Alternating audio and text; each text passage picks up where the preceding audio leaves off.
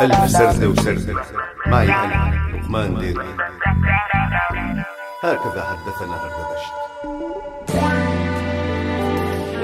هيا بنا نتعب.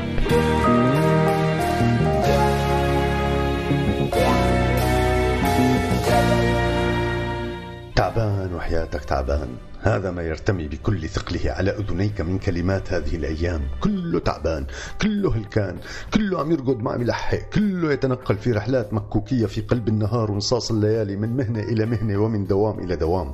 كله صار مسبع الكارات وسبع الليل وديك الصباح. كله وصل الليل بالنهار وكله تعب وكله تعبان والوضع كمان تعبان. يعني تعب تعب على الفاضي. آخ لو كان تعب على المليان. لكن ما هو التعب اللي على المليان وما هو التعب اللي على الفاضي؟ ذلك هو السؤال يا ابن الحلال.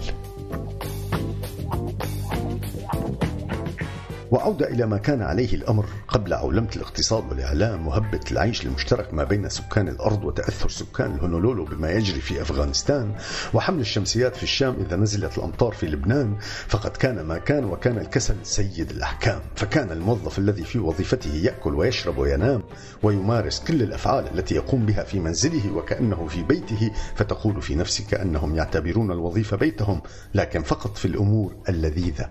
أما بالنسبة للأمور الأخرى من شطف ومسح وتنشيف وتنظيف وغسيل وكوي فلا داعي لها الوجع الرأس والتعتير. وخلي الشقة على مين بقى؟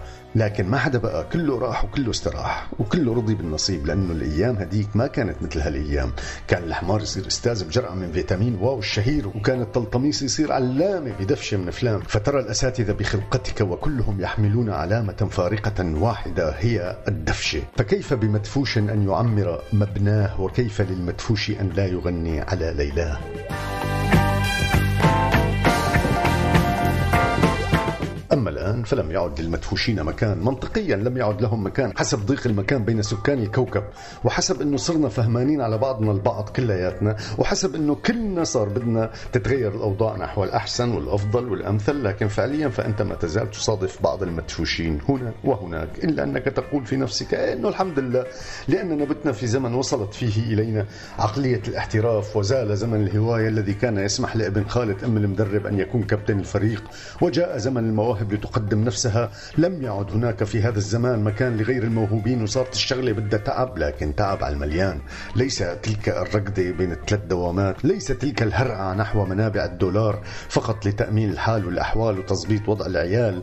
إنما ذلك التعب المليان حيث يجد الموهوب لنفسه مكانا يعمل فيه. حيث تنشط الأعمال فيحتاج رجالها لفلتات الزمان من فتيات وشبان. حيث ينتج عن هذه الأعمال ماركات وطنية مسجلة. حيث نصدر للداخل والخارج خارج أجمل الابتكارات في شتى المجالات حيث لا تجد شابا موهوبا عاطلا عن العمل بسبب قلة الاستثمارات حيث يكثر الإنتاج فيقول لك القائل بأنه من الشغل تعبان ولكنه فرحان لأنه تعب على المليان وليس على الفاضي كالركض واللهاث خلف الخبز والرز والسكر يجعل أيامكم كلها سكر. نحن جاهزون للعمل والتعب ما لنا شعب كسلان بس دبروا لنا مكان نتعب فيه لكي ندعو أصدقائنا بثقة قائلين هيا بنا نتعب لكن هيهات.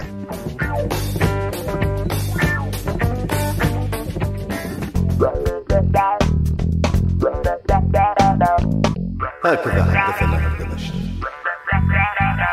كنتوا عم تسمعوا لقمان ديركي بألف سردة وسردة عهوا راديو سوريالي.